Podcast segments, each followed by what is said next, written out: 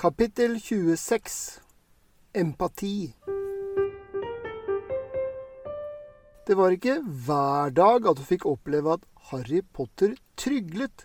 Vær så snill! sutret Harry Potter. Fred og Frank ristet smilende på hodene igjen. Det var et plaget uttrykk på Harry Potters ansikt. Men jeg fortalte dere hvordan jeg gjorde den med Dollohovs katt, og Hermine og, og leskedrikken som forsvant, og jeg kan ikke fortelle dere om valghatten eller Forglemmeien eller professor Slur. Fred og Frank trakk på skuldrene og snudde seg for å gå.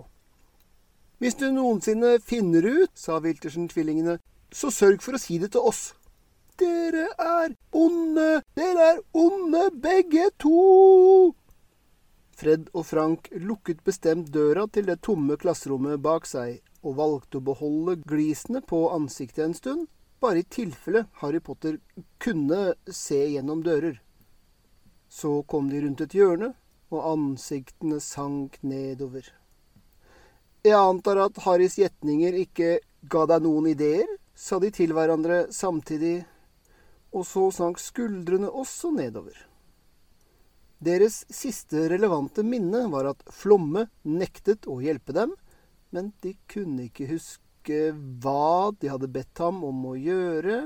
Men de må ha sett seg om andre steder og funnet noen til å hjelpe dem med å gjøre noe som var ulovlig, ellers så ville de ikke gått med på å bli forglemmet etterpå. Hvordan i alle dager hadde de klart å få til det der for bare 40 gallioner? Først hadde de bekymret seg for om de hadde forfalsket bevis av så høy kvalitet at Harry faktisk ville ende opp med å gifte seg med Gulla. Men de hadde tenkt på det også, virket det som. Møtereferatet fra Heksingating hadde blitt tuklet med igjen for å endre dem tilbake til opprinnelig stand. Den falske forlovelseskontrakten hadde forsvunnet fra sitt dragebevoktede hvelv i Flirgodt osv. Faktisk var det ganske skremmende. De fleste trodde nå at Aftenprofeten bare hadde funnet opp hele greia, av grunner som ingen kunne skjønne, og Kleggen hadde hjelpsomt vridd kniven rundt i såret med neste dags overskrift Harry Potter hemmelig forlovet med Lulla Lunekjær. Uansett hvem de nå hadde leid inn, håpet de desperat at de ville fortelle dem sannheten etter at saken var foreldet. Men i mellomtida var det forferdelig. De hadde gjort sitt største og beste pek noensinne, kanskje det aller største peket i pekenes historie, og de kunne ikke huske hvordan. Det var galskap.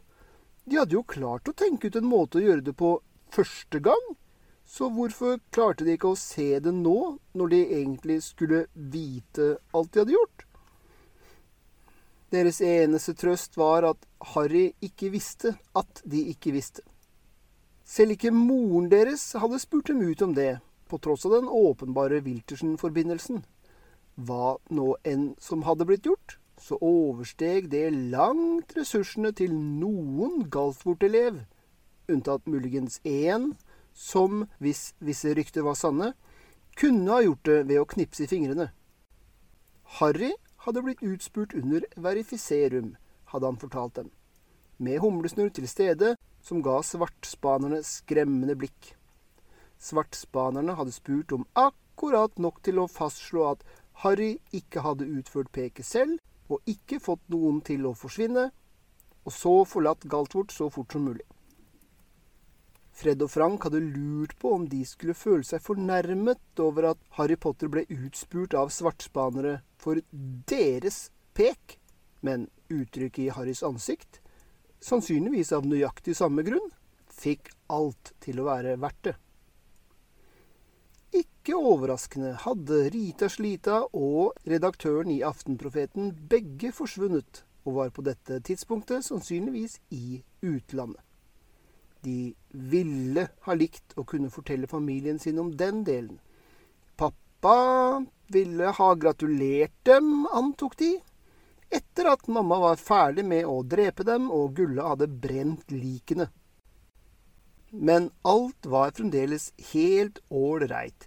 De ville fortelle til pappa en dag senere, og i mellomtida I mellomtida hadde Humlesnurr kommet til å nyse mens han passerte dem i korridoren, og en liten pakke hadde tilfeldigvis falt ut av lomma hans, og inni hadde det vært to matchende vaktformelbrekkermonokler av utrolig kvalitet. Wiltersen-tvillingene hadde testet ut de nye monoklene på den forbudte korridoren i fjerde. De hadde tatt en rask tur til det magiske speilet og tilbake, og de hadde ikke vært i stand til å se alle sporingsformlene tydelig, men monoklene hadde vist dem mye mer enn de hadde sett første gang. Naturligvis måtte de være svært forsiktige så ingen tok dem mens de hadde monoklene på seg. Ellers ville de havne på rektors kontor og få en alvorlig skjennepreken og kanskje trusler om utvisning. Det var fint å vite at ikke alle som ble valgt inn i Griffing, vokste opp til å bli som professor McSnurp.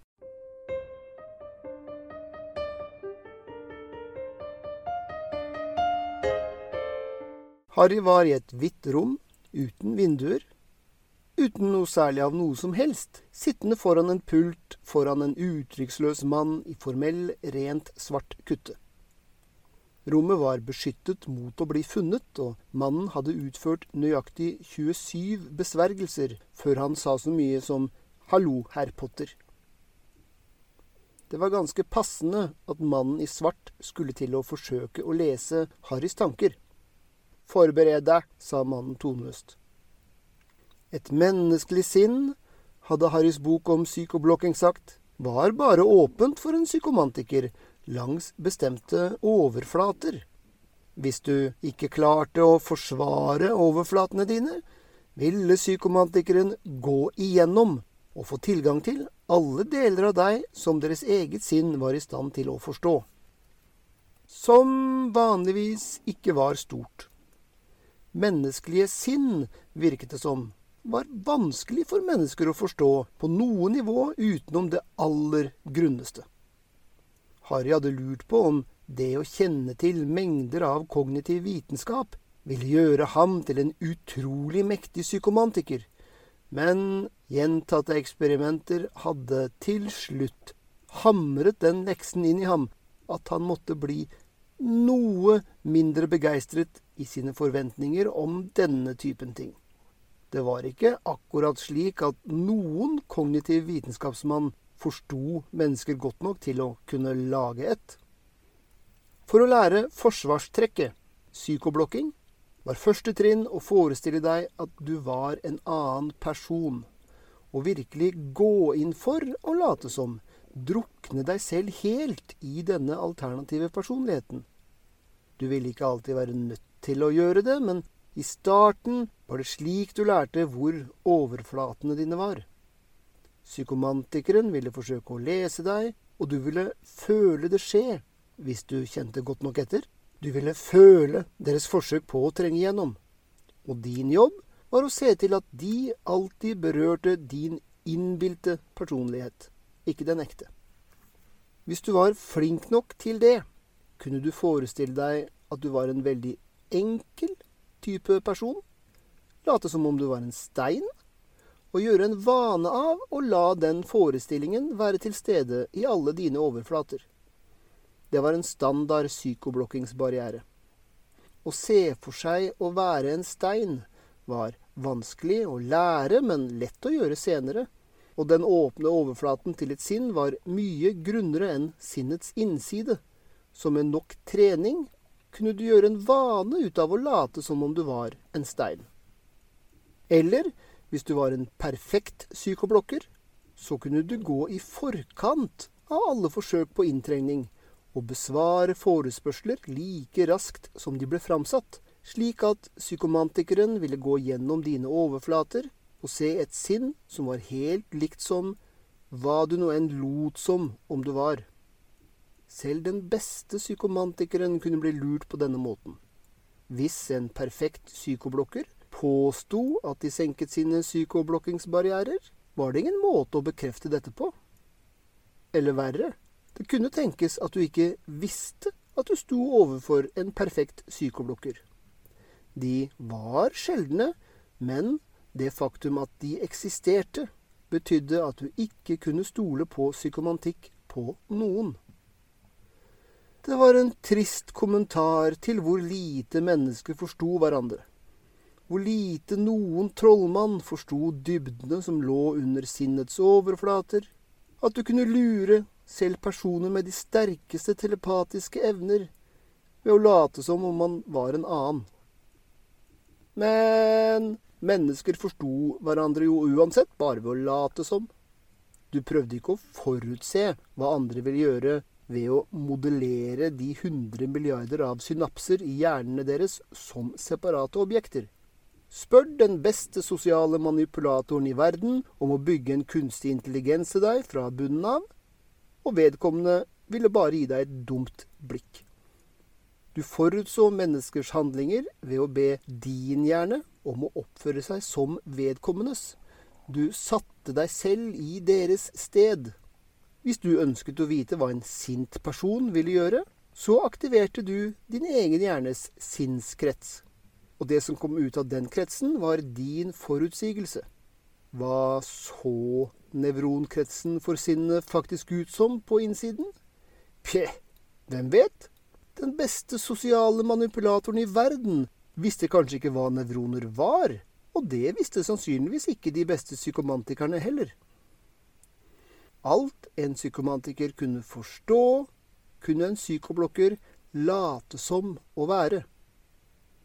Det var samme triks begge veier, sannsynligvis implementert av den samme nevronkretsen i begge tilfeller, et enkelt sett kontrollkretser for å rekonfigurere din egen hjerne til å opptre som en modell av noen annens.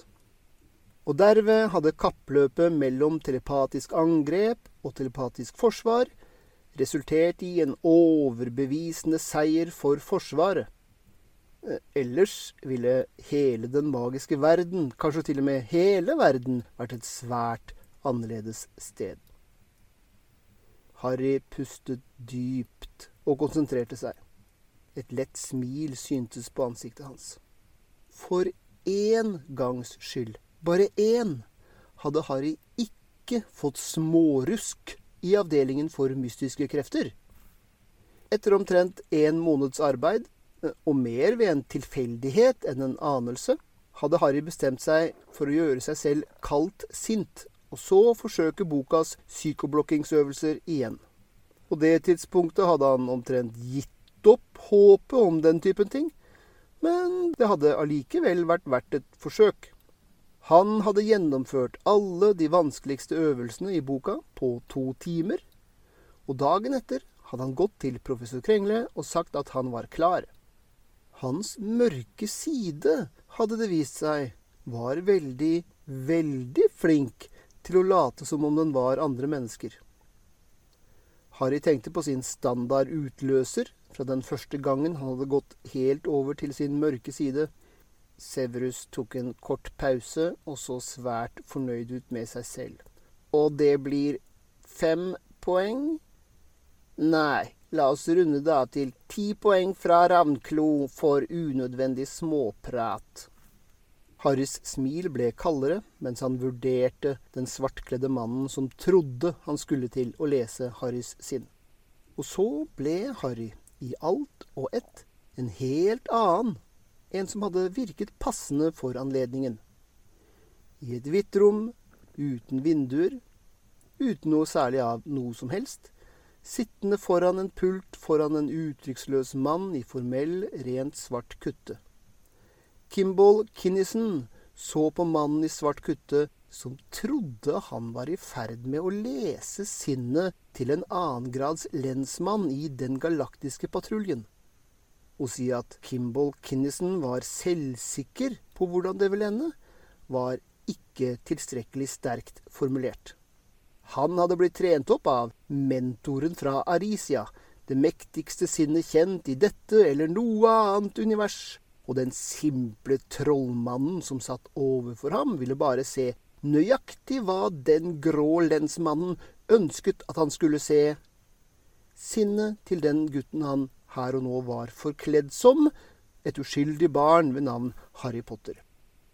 Jeg er klar, sa Kimball Kinnison i det nervøse tonefallet som var nøyaktig passende for en elleve års gutt. Sesam sykehus, sa den svartkledde trollmannen. Det ble en pause. Den svartkledde trollmannen blunket, som om han hadde sett noe så sjokkerende at det hadde vært nok til å få til og med hans øyenbryn til å bevege seg. Stemmen hans var ikke helt nøytral da han sa gutten som overlevde, har en mystisk mørk side. Varmen krøp sakte opp i Harrys kinn. Vel, sa mannen. Ansiktet var igjen fullkomment rolig. Unnskyld meg, herr Potter. Det er bra å kjenne sine fortrinn, men det er ikke det samme som å stole på dem i latterlig høy grad kan godt tenkes at du vil klare å lære psykoblokking i en alder av elleve. Jeg var temmelig sikker på at herr Humlesnurr lata som om han var sinnssyk igjen. Ditt dissosiative talent er så sterkt at jeg er overraska over at jeg ikke ser andre tegn på overgrep fra barndommen, og du kan ende opp med å bli en perfekt psykoblokker med tida. Men det er betydelig forskjell mellom det og det å forvente å reise en psykoblokkbarriere med suksess på første forsøk. Det er bare latterlig. Følte noe mens jeg leste sinnet ditt? Harry ristet på hodet mens han rødmet kraftig. Så følg bedre med neste gang. Målet er ikke å skape et perfekt bilde på din første dag med undervisning. Målet er å lære hvor dine overflater er. Forbered deg. Harry forsøkte å late som om han var Kimball Kinnison igjen. Forsøkte å følge mer oppmerksomt med, men tankene hans var litt spredt, og han var plutselig smertelig oppmerksom på alle de tingene han ikke burde tenke på. Å, dette kom til å suge Harry skar tenner. I det minste ville instruktøren bli forglemmet etterpå. Sesam sykehus! Det var en pause. I et hvitt rom uten vinduer, uten særlig av noe som helst, sittende foran en pult foran en uttrykksløs mann i formell, rent svart kutte. Det var deres fjerde dag, en søndag ettermiddag. Når du betalte så mye som dette, fikk du undervisning akkurat når du ville ha det. Takk skal du ha, og et konsept som helg kom ikke i veien. Hallo, herr Potter, sa telepaten tonløst etter å ha kastet hele pakken med privatlivsformler. Hallo, herr Dyrkorn, sa Harry litt trett. La oss bare få det første sjokket overstått, skal vi? Du klarte å overraske meg, sa mannen og hørtes nå en smule interessert ut. Ja vel. Han pekte med staven og stirret inn i Harrys øyne. Sesam sykehus, det var en pause, og så rykket den svartkledde trollmannen til som om noe hadde rørt ham med en glødende tang. Mørkets herre er i live, hostet han. Øynene var plutselig ville. Humlesnurr gjør seg usynlig og sniker seg inn i jentenes soveværelse. Harry sukket ned og så på klokka. Om omtrent tre sekunder til. Så, sa mannen han hadde ikke helt fått igjen tonløsheten i stemmen. Du tru oppriktig at du vil komme til å oppdage de hemmelige reglene for magi og bli allmektig? Stemmer, sa Harry beint fram mens han fremdeles kikket på klokka. Så forhøyet selvtillit har jeg. Jeg undres. Det virker som om valghatten mener at du kommer til å bli den neste mørke herren. Og du vet at jeg forsøker ganske hardt på å ikke bli det, og du så at vi allerede har hatt en lang diskusjon rundt hvorvidt du var villig til å lære meg psykoblokking, og til slutt bestemte du deg for det, så kan vi bare komme i gang her, eller? Ålreit, sa mannen nøyaktig seks sekunder senere, akkurat det samme som forrige gang. Forbered deg.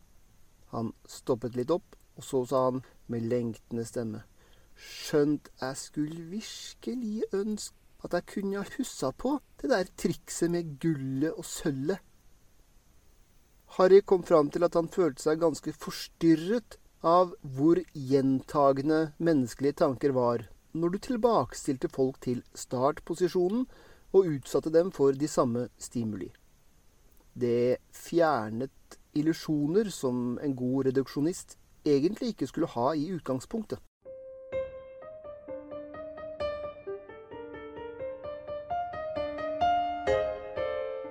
Harrys humør var heller dårlig da han trampet ut av urtologitimen neste mandag morgen. Hermine skummet ved siden av ham. De andre barna var fremdeles inne, litt treige med å samle sakene sine fordi de bablet opphisset til hverandre om hvordan Ravnklo hadde vunnet årets andre kamp i rumpeldunk. Så vidt Harry kunne skjønne, hadde dette skjedd i går kveld ettermiddag Ei jente hadde flydd rundt på en sopelime i 30 minutter, og så fanget en eller annen slags kjempemygg. Det var også andre fakta rundt ting som hadde skjedd i kampen, men disse var irrelevante. Harry hadde gått glipp av denne spennende sportshendelsen pga. undervisningen i psykoblokking, og også fordi han hadde et liv. Videre hadde han unngått alle samtaler i Ravnklostua, og priset seg over det vidunderlige som lå i Stillus-formelen og magiske kofferter. Frokosten hadde han spist ved griffingbordet. Men Harry kunne ikke unngå urtologi, og ravnkloingene hadde snakket om det før timen og etter timen og i timen, helt til Harry hadde sett opp fra babypelsingen han skiftet bleier på, og annonsert høyt og tydelig at noen av dem prøvde å lære om planter, og snopper vokste ikke på noe, så det ville vært fint om alle vennligst bare kunne holde kjeft om rumpeldunk. Alle tilstedeværende gav ham sjokkerte blikk, utenom Hermine, som så ut som om hun hadde lyst til å applaudere, og professor Stikling, som ga ham ett poeng for Ravnklo. Ett poeng for Ravnklo Ett poeng. De syv idiotene på sine idiotiske soplimer i sitt idiotiske spill hadde tjent 190 poeng for Anklo. Det virket som at poengene i en rumpeldunk-kamp ble lagt direkte til de totale huspoengene. Med andre ord så var det å fange en gullmygg verdt 150 huspoeng. Harry kunne ikke engang forestille seg hva han måtte gjøre for å tjene 150 huspoeng. Utenom, du veit, å redde 150 håsblåsinger, eller å komme opp med 15 ideer like gode som å putte en beskyttelse rundt tidsmaskiner, eller å finne opp 1500 kreative måter å drepe mennesker på, eller å være Hermine Grang et helt år. Vi burde drepe dem, sa Harry til Hermine, som gikk ved siden av ham med nøyaktig like forurettet uttrykk. Hvem? sa Hermine. Rumpeldunk-laget? Jeg tenkte mer på alle som på noen måte er involvert i rumpeldunk noe som helst sted, men Ravnklo-laget ville være en start, jo da. Hermines lepper kruset seg misbilligende. Du, du vet at det er galt å drepe mennesker, Harry? Ja, sa Harry. Ok, bare sjekket, sa Hermine. La oss få has på speideren først. Jeg har lest noen Agatha Christie-mysterier. Eh, vet du hvordan vi kan få henne om bord på et tog? To elever som planlegger mord, sa en tørr stemme. Så sjokkerende. Gående rundt nærmeste hjørne var en mann i lett flekket kutte. Det fettede håret hang langt og ustelt rundt skuldrene. Det virket som om dødelig fare strålte ut fra ham. Den formelig fylte korridoren med dårlig miksede eliksirer og uheldige fall, og mennesker som døde i sengene sine av det svartspanere ville fastslå å være naturlige årsaker. Uten å tenke seg om i det hele tatt, trådte Harry inn foran Hermine. Det var en brå innpusting bak ham, og et øyeblikk senere dyttet Hermine seg fram og stilte seg foran ham. Løp, Harry, sa hun. Gutter skulle ikke behøve å være i fare. Severus Slur smilte et gledesløst smil. Underholdende. Jeg vil gjerne ha noen ord med deg, Potter. Hvis du kan rive deg selv vekk fra flørten med frøken Grang. Plutselig var det et veldig bekymret uttrykk på Hermines ansikt. Hun snudde seg mot Harry og åpnet munnen og stoppet opp i villrede. Å, ikke bekymre deg, frøken Grang, sa Severus' silkebløte stemme. Jeg lover å gi deg kjæresten din tilbake helt uskadet. Smilet forsvant. Nå skal Potter og jeg forlate deg for å ha en privat samtale, bare han og jeg. Jeg håper det er tilstrekkelig tydelig at du ikke er invitert. Men bare for sikkerhets skyld, ta det som en ordre fra en Galtvort-professor. Jeg er sikker på at en flink, liten pike som deg ikke ville være ulydig. Og Severus snudde seg og gikk tilbake rundt hjørnet. Kommer du, Potter? sa stemmen hans. um, sa Harry til Hermine. Er det greit at jeg liksom bare går og følger etter ham, og, og, og la deg finne ut hva jeg burde si, for å forsikre meg om at du ikke er bekymret og fornærmet? Nei, sa Hermine med skjelvende stemme. Severus' latter ga ekko fra rundt hjørnet. Harry bøyde hodet. Beklager, sa han lavt. Virkelig. Og så fulgte han etter eliksirlæreren.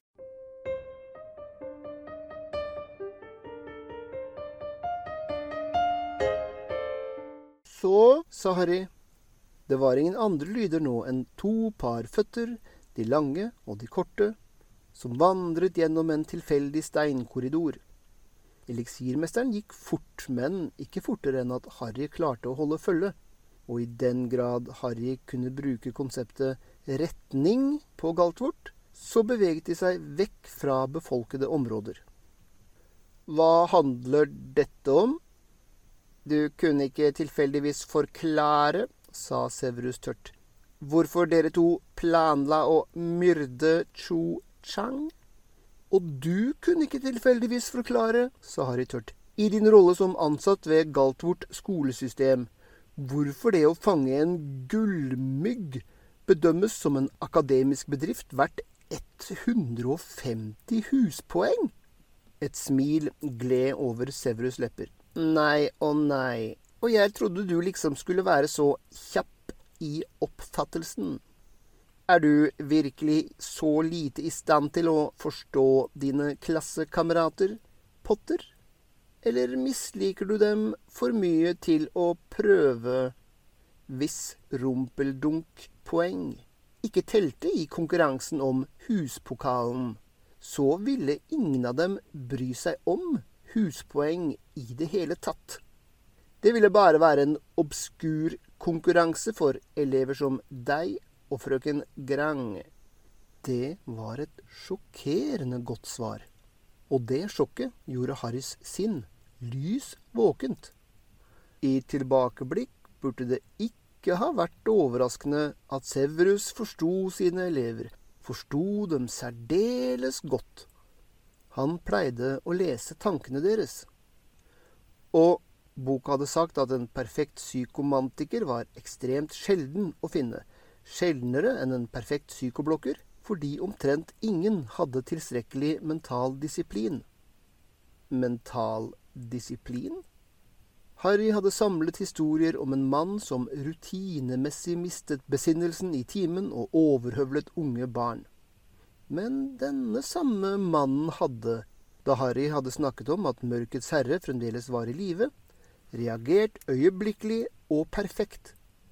Reagert på nøyaktig den måten en fullstendig uskyldig ville reagere. Mannen snek seg rundt på Galtvort som en snikmorder han utstrålte fare.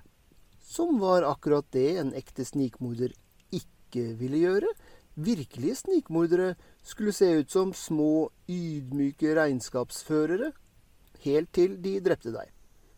Han var husstyrer for stolte og aristokratiske smygard. og han bar kutte som var skitten og flekkete av eliksirer og ingredienser, som to minutter med magi kunne ha renset vekk. Harry la merke til at han var forvirret, og hans trusselvurdering av husstyrer for Smygard økte astronomisk. Det hadde virket som om Humlesnurr var av den oppfatning at Severus var hans, og det hadde ikke vært noen som kunne motsi det. Eliksirmesteren hadde vært skremmende, men avholdt seg fra verbal mishandling, som lovet.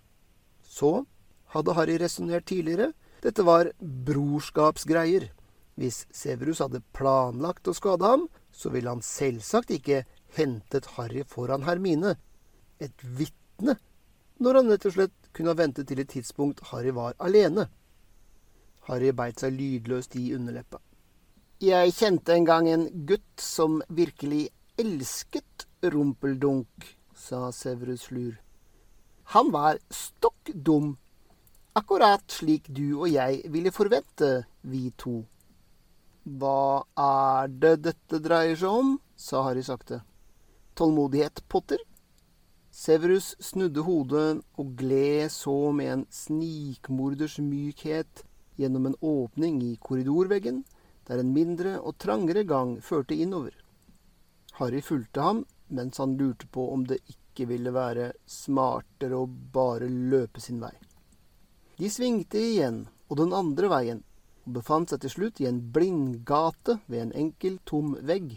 Hvis Galtvort faktisk hadde blitt bygd, istedenfor å bli eh, manet fram, eller tilkalt, eller gitt liv til, eller hva som helst, så ville Harry hatt noen skarpe ord å si til en arkitekt som betalte folk for å lage ganger som ikke førte noen vei. Stillus, sa Severus, og en del andre ting i tillegg. Harry lente seg bakover, foldet armene over brystet og iakttok Severus' ansikt. Ser du meg i øynene, Potter? sa Severus slur.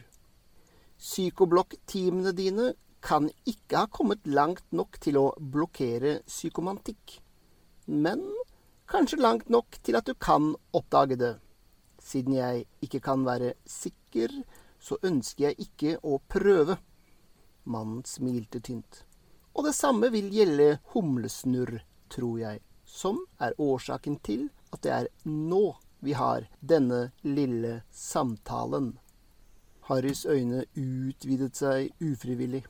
Først og fremst, sa Severus med glitrende øyne, ønsker jeg at du lover å ikke snakke om denne samtalen med noen. Hva resten av skolen angår, så diskuterer vi bare dine hjemmelekser i eliksirer. Om de tror på det eller ikke, spiller ingen rolle. Hva Humlesnurr og Maxnurr angår, så bryter jeg nå Draco Malfangs tillit til meg, og ingen av oss mener det er passende å utdype dette mer detaljert. Harrys hjerne prøvde å kalkulere mulige forgreininger og implikasjoner dette kunne medføre, men gikk tom for midlertidig minneplass.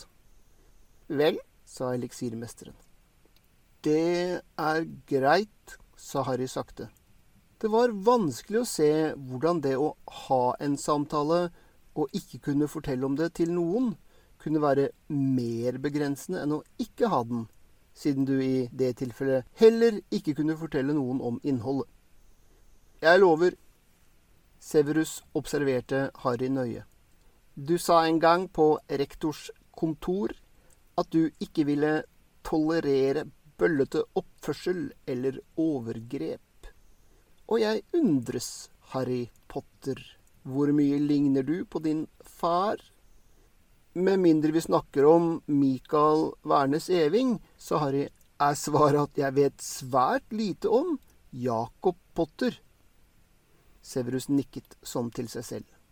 Det er en smygaring i femte klasse, en gutt ved navn Lars Loran de Mons. Han blir mobbet av griffinger. Jeg er eh, hindret i min evne til å takle en slik situasjon. Du kunne hjelpe ham, muligens, hvis du ønsket. Jeg ber deg ikke om en tjeneste, og jeg vil ikke skylde deg en. Det er enkelt sagt en mulighet til å gjøre det du vil. Harry stirret på Severus mens han tenkte. Lurer du på om det er en pelle? sa Severus med et svakt smil på leppene. Det er det ikke. Det er en test. Kall det nysgjerrighet fra min side. Men Lars Lorans problemer er ekte, slik som mine vanskeligheter med å gripe inn. Det var ulempen med at andre visste at du var en bra fyr. Selv om du visste at de visste, kunne du fremdeles ikke ignorere Åte. Og hvis hans far også hadde beskyttet elever fra bøller? Det spilte ingen rolle om Harry visste hvorfor Severus hadde sagt dette. Det fikk ham uansett til å føle seg varm innvendig og stolt, og gjorde det umulig å ikke ta denne oppgaven. Greit, sa Harry. Fortell meg om Lars Loran. Hvorfor blir han trakassert? Severus' ansikt mistet det svake smilet. Du tror det er årsaker, Potter? Kanskje ikke, sa Harry stille, men tanken slo meg at kanskje han hadde dyttet en eller annen uviktig grumsejente ned trappene. Lars Loran de Mons, sa Severus nå med kald stemme, er sønnen til Bellatrix de Mons den mest fanatiske og ondeste tjeneren til mørkets herre. Lars Loran er den anerkjente løsungen til Radamsus de Mons. Kort tid etter Mørkets herres død ble Bellatrix, Radamsus og Radamsus' bror Rodolfus oppdaget og tatt til fange mens de torturerte Alinda og Frank Langballe. Alle tre sitter i Askaban på livstid.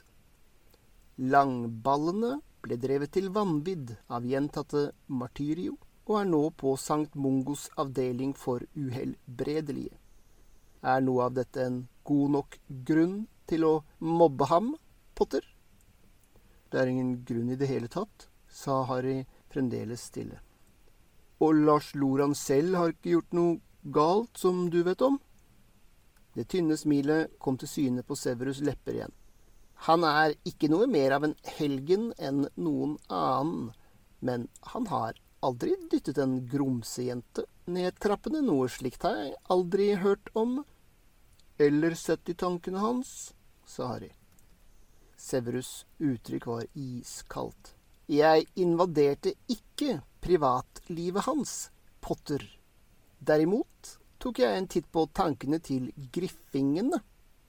Han er rett og slett et passende mål for deres små leker. En kald bølge av sinne rant nedover Harrys ryggrad, og han måtte minne seg selv på at Severus muligens ikke var en troverdig kilde til informasjon. Og du tenker, sa Harry, at den inngripen av Harry Potter, gutten som overlevde, kanskje kunne vise seg effektivt? Akkurat, sa Severus Slur og fortalte Harry når og hvor griffingene planla sin neste lille lek.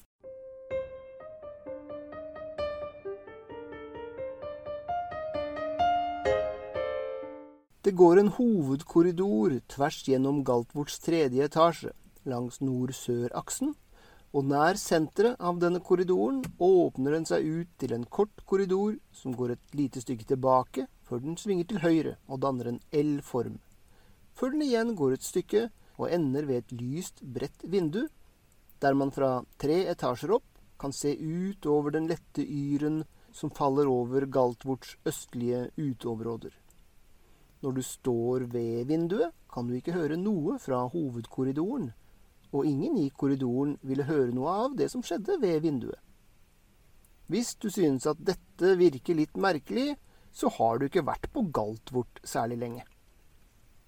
Fire gutter i kutter med røde striper ler, og en gutt i grønnkantet kutte skriker og holder seg desperat fast i karmen på det åpne vinduet med hendene sine, mens de fire guttene oppfører seg som om de skal dytte ham ut. Det er naturligvis bare en spøk, og dessuten vil et fall fra den høyden ikke drepe en trollmann. Bare moro, med andre ord. Hvis du syns at dette virker litt merkelig Hva holder dere på med? sa en sjette Guds stemme. De fire guttene i rødstripete kutter spant brått rundt, og gutten i grønnkantet kutte dyttet seg panisk vekk fra vinduet og falt sammen på gulvet med ansiktet stripete av tårer. Æ, sa den kjekkeste av guttene i rødkantet kutte i en lette tone. Det er deg! Hei, Lassie, vet du hvem dette er? Ikke noe svar fra gutten på gulvet, som prøver å få hulkingen under kontroll, og gutten i rødkantet kutte trekker foten opp for å sparke. Stopp det der! ropte den sjette gutten. Gutten i rødkantet kutte sjangler mens han avbryter sparket. Hæ, sier han, du veit hvem dette er? Den sjette guttens pust høres merkelig ut. Lars Loran de Mons, sier han i korte pust. Og han gjorde ingenting mot mine foreldre. Han var fem år gammel.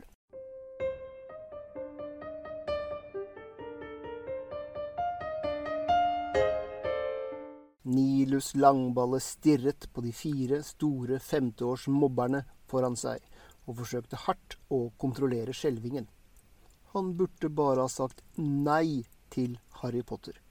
Hvorfor forsvarer du ham? sa den kjekke av dem sakte og hørtes forvirret ut med de første små toner av fornærmelse. Han er en smigarding og en demons. Han er en gutt som har mistet foreldrene sine, sa Nilus Langballe. Jeg vet hvordan det føles. Han visste ikke hvor de ordene hadde kommet fra. Det virket for behersket, som noe Harry Potter ville ha sagt. Skjønt skjelvingen fortsatte. Hvem tror du egentlig du er? sa den kjekke og begynte å hørtes sint ut. Jeg er Nilus, den siste etling til den urgamle adelsslekta Langballe. Nilus klarte ikke å si det.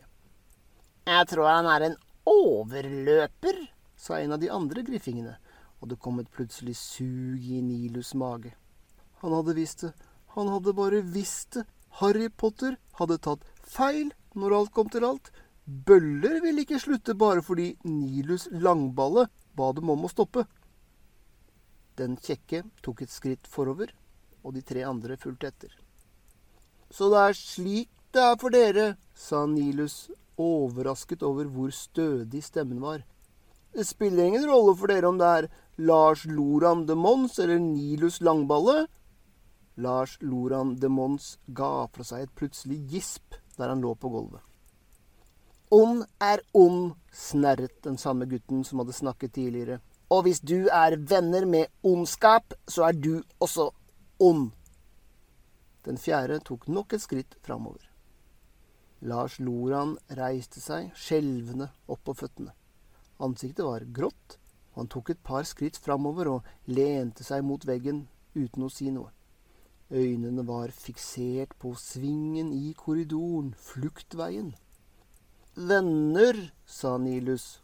Frekvensen i stemmen hans økte litt. Ja, jeg har venner. En av dem er gutten som overlevde. Et par av griffingene så plutselig bekymret ut. Den kjekke rørte seg ikke. Harry Potter er ikke her, sa han med hard stemme. Og hvis han var det, tror jeg ikke han ville like å se en langballe beskytte en demons og griffingene tok enda et langt skritt framover, og bak dem snek Lars Loran seg langsmed veggene og ventet på sin sjanse. Nilus svelget og løftet høyre hånd med tommel og langfinger presset sammen. Han lukket øynene fordi Harry Potter hadde fått ham til å love å ikke se. Hvis dette ikke virket, kom han aldri til å stole på noen igjen. Alt tatt i betraktning kom stemmen hans ut overraskende klart og tydelig. Harry Jakob Potter Eving Wærnes. Harry Jakob Potter Eving Wærnes. Harry Jakob Potter Eving Wærnes. Ved den gjelden du skylder meg, og ved kraften i ditt sanne navn, tilkaller jeg deg, jeg åpner veien for deg, jeg byr deg å manifestere deg foran meg. Nilus knipset i fingrene. Og så åpnet Nilus øynene. Lars Loran de Mons stirret på ham. De fire griffingene stirret på ham. Den kjekke begynte å klukle, og det fikk de andre til å starte å flire. Var det meningen at Harry Potter skulle komme rundt hjørnet eller noe? sa den kjekke. Uff da, ser ut som om noen har sviktet deg. Den kjekke tok et truende skritt mot Nilus. De andre fulgte etter. Ahem, sa Harry Potter bak dem, lenende mot veggen ved vinduet, helt innerst i gangen, dit ingen på noen måte kunne ha kommet uten å ha blitt sett. Hvis det å se folk skrike alltid føltes så bra, kunne Nilus på en måte forstå hvorfor folk ble bøller. Harry Potter skred framover og plasserte seg mellom Lars Loran de Mons og de andre. Blikket hans sveipet iskaldt over guttene i rødkantet kutte, før det hvilte på den kjekke gjenglederen. Herr Carl Krikkbukk, sa Harry Potter, jeg vil si at jeg har forstått denne situasjonen fullt og helt. Hvis Lars Loran de Mons noensinne har utført noe ondskap selv, istedenfor bare å være født av feil foreldre, så er dette faktum ikke kjent for deg. Hvis jeg tar feil på dette punktet, herr Krikkbukk, så foreslår jeg at du opplyser meg om det umiddelbart. Nilus så frykten og ærefrykten i de andre guttenes ansikt. Han følte det selv. Harry hadde sagt at alt bare ville være et knep. Men hvordan kunne det det? Men han er en demons, sa gjenglederen. Han er en gutt som mistet foreldrene sine, sa Harry Potter, og stemmen ble enda kaldere. Denne gangen vred alle de tre andre griffingene på seg. Så, sa Harry Potter, du så at Nilus ikke ønsket at du plaget en uskyldig gutt for langballenes skyld. Dette påvirket deg ikke. Hvis jeg forteller deg at gutten som overlevde, også mener at du gjør en feil, at det du gjorde i dag var et forferdelig feilgrep, vil det gjøre noen forskjell? Gjenglederen tok et skritt mot Harry. De andre fulgte ikke etter. Carl, sa en av dem og svelget, Kanskje vi burde gå? De sier du kommer til å bli den neste mørke herren, sa gjenglederen og stirret på Harry. Flir dukket opp på Harry Potters ansikt.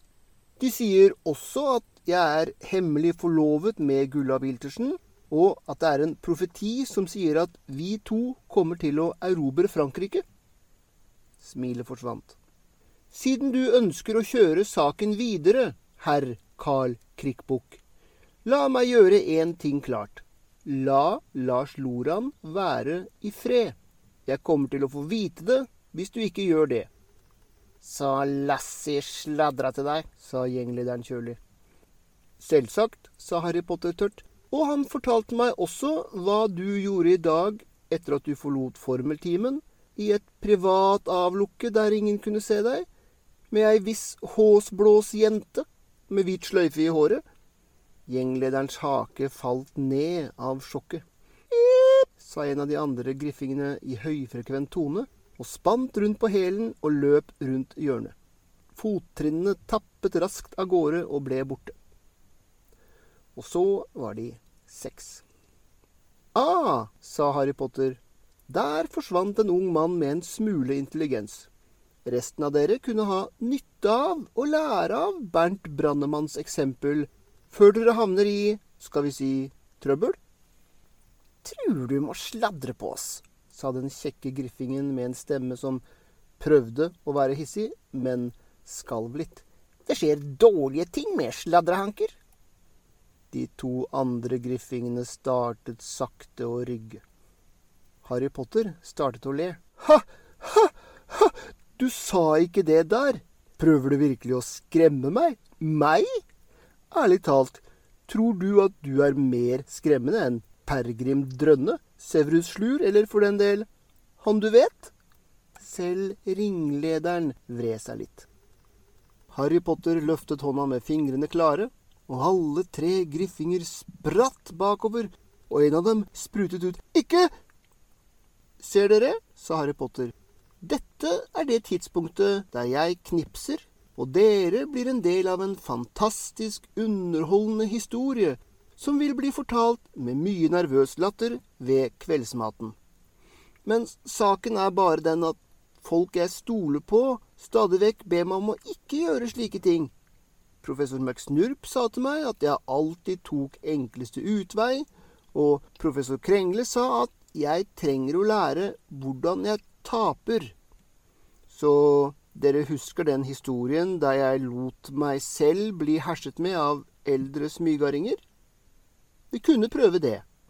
Dere kunne herse med meg en stund, og jeg kunne la dere gjøre det. Men dere husker den biten på slutten der jeg sier til mine mange, mange venner på denne skolen at de ikke skulle gjøre noe med det? Denne gangen hopper vi over den biten. Så, kom igjen, hersj med meg. Harry Potter tok ett skritt fram, med armene inviterende åpne.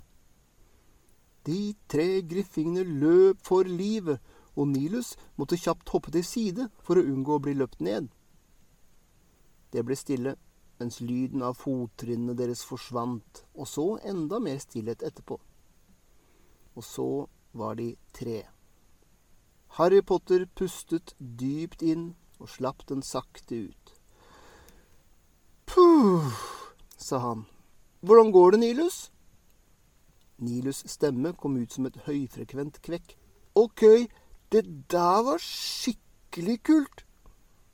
Et flir glimtet over Harry Potters ansikt. Du var ganske kul også, skal jeg si deg. Nilus visste at Harry Potter bare sa det for å få ham til å føle seg bra, og allikevel kom det en varm glød i brystet hans. Harry snudde seg mot Lars Loran de Mons. Går det greit med deg, Demons? sa Nilus før Harry åpnet munnen. Der var det en ting du faktisk aldri forventet at du kom til å si, noensinne. Lars Loran de Mons snudde seg sakte og stirret på Nilus med stramt ansikt. Han gråt ikke lenger, tårene glitret mens de tørket. Du tror du veit åssen det er, sa Lars Loran med høy og skjelvende stemme. Du tror du veit det? Mine foreldre er i Askaban! Jeg prøver ikke å tenke på det, og de minner meg alltid på det. De syns det er flott at mor er der i kulden og mørket mens desperantene suger livet ut av henne. Skulle ønske jeg var som Harry Potter, i det minste har ikke foreldrene hans det vondt. Mine foreldre har det alltid vondt, hvert sekund av hver dag. Skulle ønske jeg var som deg. I det minste kan du se foreldrene dine av og til. I det minste vet du at de elsket deg. Hvis mor noensinne elsket meg, så vil desperanten ha spist seg gjennom det nå. Nilus' øyne var vidåpne av sjokk. Han hadde ikke forventet noe slikt. Lars Loran vendte seg mot Harry Potter, hvis øyne var fulle av skrekk. Lars Loran kastet seg ned på gulvet foran Harry Potter, berørte bakken med panna og hvisket Hjelp meg, Herre! Det var en forferdelig stillhet. Nilus kunne ikke komme på én en eneste ting å si, og fra det nakne sjokket på Harrys ansikt var det tydelig at han heller ikke kunne. De sier at du kan gjøre alt. Vær så snill, vær så snill, herre. Få mine foreldre ut av Askaban. Jeg, jeg vil bli din trofaste tjener for alltid. Mitt liv vil bli ditt, og min død vil være din. Bare, bare, vær så snill. Lars Loran, sa Harry med brusten stemme. Lars, jeg kan ikke, jeg kan virkelig ikke gjøre slike ting. Det, det er bare dumme knep, alt sammen. Det er det ikke, sa Lars Loran med høy og desperat stemme. Jeg så det! Historien er sanne. Du kan gjøre det! Harry svelget. Lars Loran, Jeg planla hele greia sammen med Nilus. Vi, vi planla alt sammen på forhånd. Spør ham. Det hadde de jo, skjønt Harry hadde ikke sagt noe om hvordan han hadde tenkt å gjøre noe av det. Da Lars Loran tittet opp fra gulvet, var det med et spøkelsesaktig uttrykk i ansiktet, og stemmen kom ut med hyl som fikk det til å gjøre vondt i Nilus ører. Din sønn av en grums! Du kunne få henne ut, du bare vil ikke! Jeg gikk ned på kne og tryglet deg, og du vil fremdeles ikke hjelpe! Jeg burde ha visst det. Du er gutten som overlevde. Du syns hun hører til der. Jeg kan ikke, sa Harry med en stemme like desperat som Lars Lorans. Det er ikke et spørsmål om hva jeg vil, jeg har ikke kraften. Lars Loran reiste seg, spyttet på gulvet foran Harry, snudde seg og forlot dem. Da han hadde rundet hjørnet, hørte de lyden av føttene som satte opp farten, og etter hvert som de forsvant, syntes Nilus han hørte et enslig snufs. Og så var de to. Nilus så på Harry. Harry så på Nilus. Oi sann, sa Nilus stille. Han virket ikke så glad for å bli reddet. Han trodde jeg kunne hjelpe ham, sa Harry med hes stemme. Han hadde håp for første gang på mange år. Nilus svelget og sa det. Beklager. Hva for noe? sa Harry og hørtes fullstendig forvirret ut. Jeg var ikke takknemlig da du hjalp meg. Hver eneste ting du sa den gangen var fullstendig korrekt, sa gutten som overlevde. Nei, sa Nilus, det var ikke det. De ga hverandre et trist lite smil samtidig, hvert av smilene litt nedlatende til det andre. Jeg vet at det ikke var virkelig, sa Nilus. Jeg vet at jeg ikke kunne ha gjort noe hvis ikke du var her, men takk for at du lot meg få late som. Ah, kutt ut, sa Harry. Harry hadde snudd seg vekk fra Nilus og stirret ut på de mørke skyene gjennom vinduet. En fullstendig latterlig tanke dukket opp hos Nilus. Føler du deg skyldig fordi du ikke kan få Lars Lorans foreldre ut fra Askaban? Nei, sa Harry. Det gikk noen sekunder. Ja, sa Harry. Nå er du dum, sa Nilus. Jeg er klar over dette, sa Harry. Er du nødt til å gjøre bokstavelig talt alt noen spør deg om? Gutten som overlevde, snudde seg tilbake og så på Nilus igjen. Gjøre? Nei. Og føle meg skyldig fordi jeg ikke gjør det? Ja. Nilus hadde problemer med å finne riktige ord. Med, en gang Mørkets herre døde, var Bellatrix de Mons bokstavelig talt den ondeste personen i hele verden. Og det var før hun havnet i Askaban. Hun torturerte min mor og far inn i sinnssykdom fordi hun ville finne ut hva som hadde skjedd med, med Mørkets herre. Det vet jeg, sa Harry stille. Jeg forstår det, men Nei, det gjør du ikke. Hun hadde en grunn til å gjøre det, og mine foreldre var svartspanere, begge to. Det er ikke engang i nærheten av det verste hun noensinne har gjort. Nilus' stemme ristet. Og allikevel, sa gutten som overlevde, med et fjernt blikk som stirret fortapt ut i noe annet, et annet sted som Nilus ikke kunne forestille seg. Det kunne være at det finnes en eller annen utrolig smart løsning som gjør det mulig å redde alle sammen. Og, og la alle leve lykkelig i alle sine dager.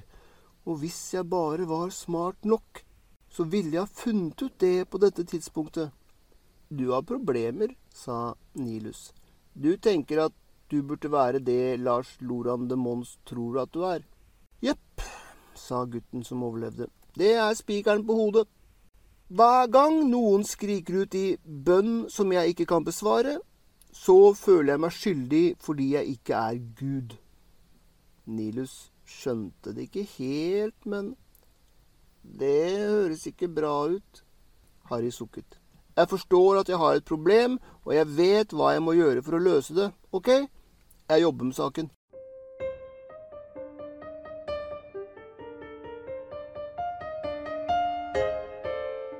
Harry så på mens Nilus forlot ham.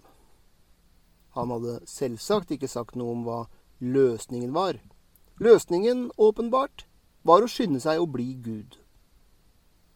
Lyden av Nilus' fottrinn fortapte seg og var snart uhørlige. Og så var det én. Ahem, sa Severus Slurs stemme rett bak ham. Et lite skrik unnslapp Harry, og han hatet seg selv for dette umiddelbart. Han snudde seg sakte rundt. Den høye, fettede mannen i de flekkede kuttene lente seg mot veggen i samme posisjon som Harry hadde hatt. En flott usynlighetskappe, Potter? kom det slepent fra eliksirmesteren. Det forklarer mye. Å, dritt.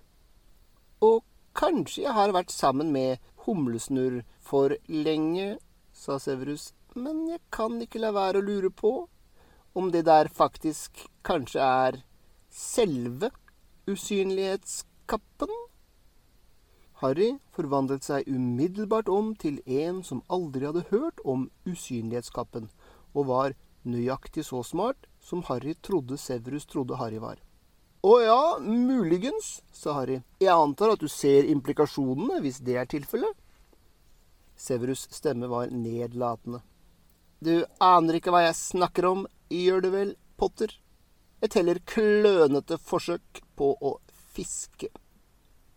Professor Krengle hadde bemerket over lunsj at Harry virkelig trengte å skjule sine hensikter på en bedre måte enn å bruke et uttrykksløst ansikt når noen diskuterte et farlig emne, og hadde forklart om forstillelser med ett og to nivåer osv. Så, videre. så enten modellerte Severus Harry som en førstenivåspiller, hvilket gjorde Severus til andre nivå, og Harrys tredje nivåtrekk hadde virket. Eller Severus var en fjerdenivåspiller og ville at Harry skulle tro at forstillelsen hadde virket. Smilende hadde Harry spurt professor Krengle hvilket nivå han spilte på, og professor Krengle, også smilende, hadde svart ett nivå høyere enn deg. Så du så på hele tida, sa Harry. Forvrengning, tror jeg det heter. Et tynt smil. Det ville vært tåpelig av meg å ta den minste risiko på at du skulle bli skadet. Og du ønsket å se resultatet av testen din selv, sa Harry. Så ligner jeg på min far. Et merkelig, trist uttrykk kom over mannen, et som så fremmed ut på ansiktet hans. Jeg ville heller si, Harry Potter, at du ligner Severus stoppet opp brått. Han stirret på Harry. Demons kalte deg sønn av en grums, sa Severus sakte. Det virket ikke som om det plaget deg. Harry hevet øyenbrynene. Ikke under de omstendighetene, nei. Du hadde nettopp hjulpet ham, sa Severus. Øynene var fiksert på Harry, og han kastet det rett i fjeset ditt. Det kan da ikke være noe du bare kan tilgi? Han hadde nettopp gjennomgått en temmelig røff opplevelse, sa Harry. Og jeg tror ikke det at å bli reddet av førsteklassinger hjalp stort på stoltheten hans heller. Jeg antar at det var lett nok å tilgi, sa Severus med en pussig stemme, siden The Mons ikke betyr noe for deg. Bare en merkelig smygæring. Hvis det var en venn, kanskje så ville du ha følt deg mye mer såret av det han sa. Hvis han var en venn, sa Harry, ville det vært enda større grunn til å tilgi. Det var en lang stillhet. Harry følte, og han kunne ikke egentlig si hvorfor eller hvorfra, at lufta ble fylt opp med forferdelig spenning, som vann som steg, steg og steg. Så smilte Severus, og så plutselig avslappet ut igjen, og all spenningen forsvant. Du er en svært tilgivende person, sa Severus, fremdeles smilende. Jeg antar at din stefar, Mikael Wærnes Eving, var den som lærte deg dette? Snarere pappas samling av science fiction og fantasy, sa Harry. Omtrent som min femte forelder, faktisk. Jeg har levd livene til alle figurene i alle bøkene mine, og all deres mektige visdom tordner i hodet mitt. Et sted inni der var det en som Lars Loran, antar jeg, selv om jeg ikke helt kan plassere ham. Det var ikke vanskelig å plassere meg selv i hans sko. Og det var bøkene mine som fortalte meg hva jeg skulle gjøre med det også. De gode gutta tilgir. Severus leverte en lett latter som om han moret seg. Jeg er redd for at jeg ikke vet stort om hva de gode gutta gjør. Harry så på ham. Det der var faktisk ganske trist. Jeg kan låne deg noen bøker med gode mennesker i dem, hvis du vil. Jeg vil gjerne få be deg om et råd, sa Severus med dagligdags stemme. Jeg vet om en annen smygarding som gikk i femte klasse, som ble bøllet med av griffinger. Han prøvde å sjekke opp ei vakker, gompefødt jente som kom over ham da han ble plaget og forsøkte å redde ham. Og han kalte henne ei grumse. Og det var slutten på det forholdet. Han ba om tilgivelse mange ganger, men hun tilga ham aldri. Har du noen tanker om hva han kunne ha sagt eller gjort for å fortjene hennes tilgivelse, slik du tilgav Lars Loran? Nja, sa Harry. Basert på bare den informasjonen, så er jeg ikke sikker på at han var den som hadde det største problemet. Jeg ville sagt til ham at han ikke burde prøve å sjekke opp noen som ikke kan tilgi. Sett at de var blitt gift. Kan du se for deg livet i det hjemmet? Det ble en pause. Ja, men hun kunne tilgi, sa Severus med morskap i stemmen. Ikke lenge etterpå gikk hun av sted og ble kjæreste med Bølla. Si meg, Hvorfor vil hun tilgi den som plaget, men ikke den som ble plaget? Harry trakk på skuldrene. Hvis jeg skal gjette vilt fordi bølla hadde plaget noen andre svært mye, eh, og den som hadde blitt plaget, hadde plaget henne litt. Og for henne føltes det langt vanskeligere å tilgi på en eller annen måte. Eller for ikke å være for spissfindig, var plageånden kjekk? E, eller for den del rik? Nok en pause.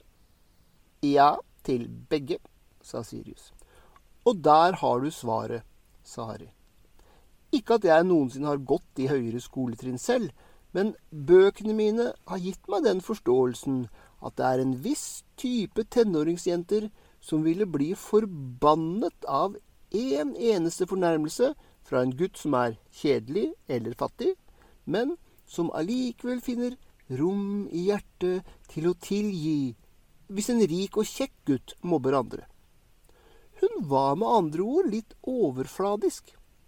Si til hvem det måtte angå at hun ikke var verdig ham, at han bare må bli ferdig med det, og neste gang får han prøve seg på ei jente som er dyp istedenfor pen.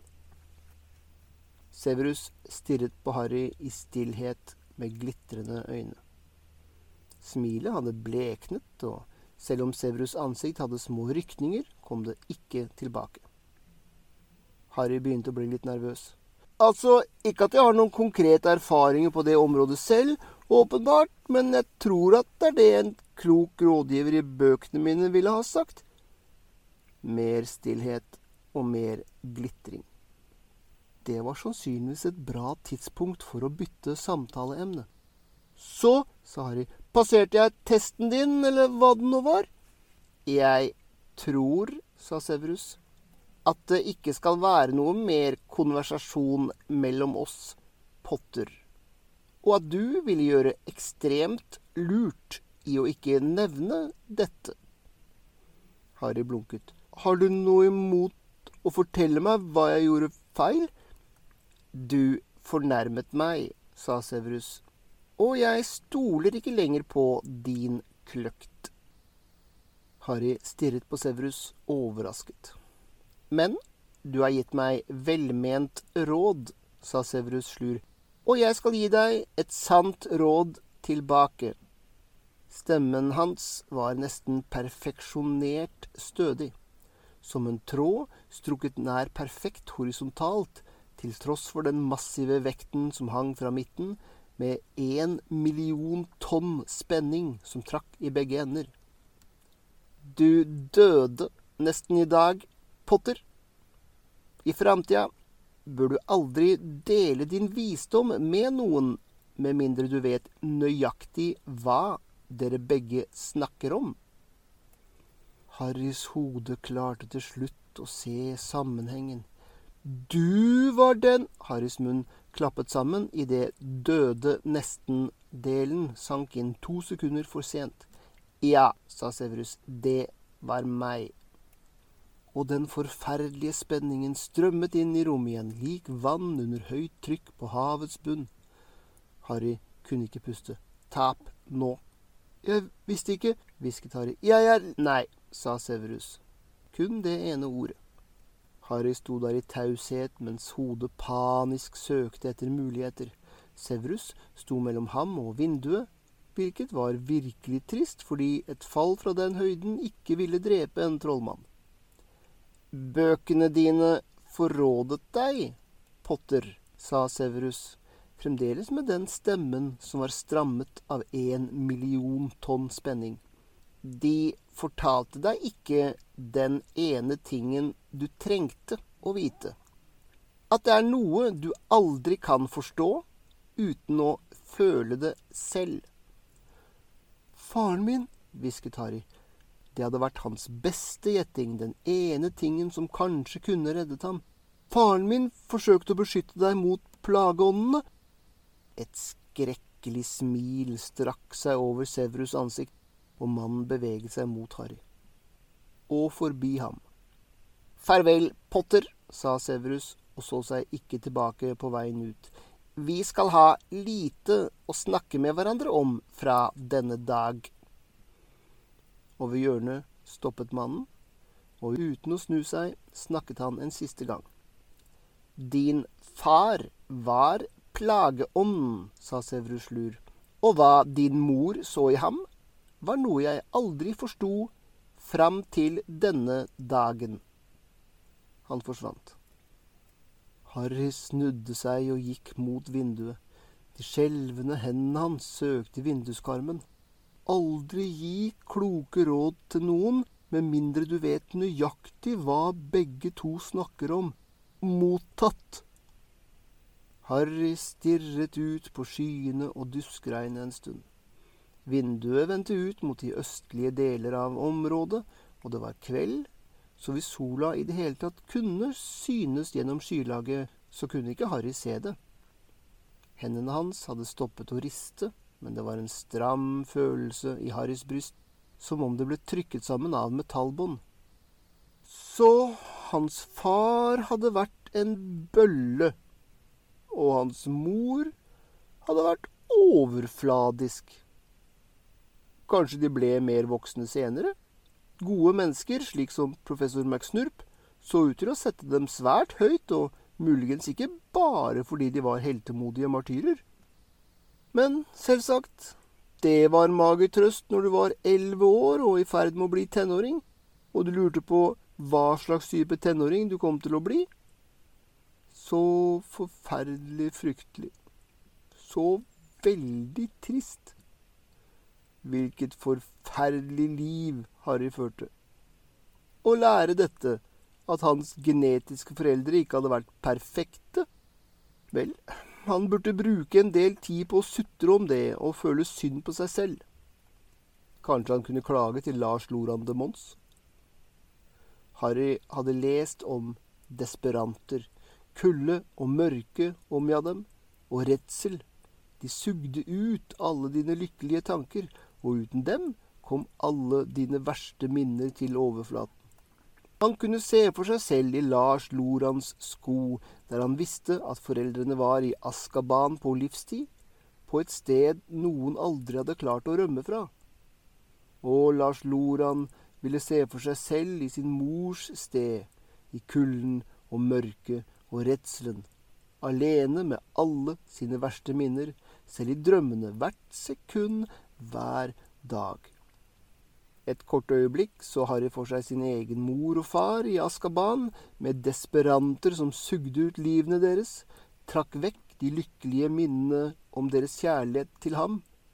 Bare et kort øyeblikk, før det gikk en sikring i fantasien hans, som påkalte en nødstopp, og meldte at han aldri skulle tenke denne tanken om igjen. Var det rett å gjøre det mot noen, selv mot den nest ondeste personen i verden? Nei, sa visdommen i Harrys bøker, ikke hvis det finnes en annen mulighet enn hvilken som helst annen mulighet. Og med mindre rettssystemet i trollmannsverdenen var like perfekt som fengselsvesenet, og det virket heller usannsynlig når alt kom til alt, så var det et eller annet sted i Askaban en person som var fullstendig uskyldig, og sannsynligvis mer enn én. Halsen til Harry brant, og fukt samlet seg i øynene hans, og han hadde et brennende ønske om å teleportere alle fanger i Askaban ut til et trygt sted og nedkalle ild fra himmelen og jevne det forferdelige stedet ned til grunnfjellet. Men han kunne ikke, fordi han ikke var Gud. Og Harry husket noe professor Krengle hadde sagt i Stjerneskinnet. Noen ganger, når denne verden full av feil virker usedvanlig hatefull, så undres jeg på om det kanskje finnes et annet sted langt borte der jeg skulle vært. Men stjernene er så veldig, veldig langt unna, og jeg undres på hva jeg ville drømme om hvis jeg sov en lang, lang tid. Og Harry kunne ikke forstå professor Krengles ord. Det kunne vært et romvesen som hadde snakket, eller en kunstig intelligens. Noe som var bygd på en så annerledes måte enn Harry at hans hjerne ikke kunne bli presset til å operere på samme måte. Du kunne ikke forlate din hjemplanet mens den fremdeles inneholdt et sted som Askaban. Du måtte bli og kjempe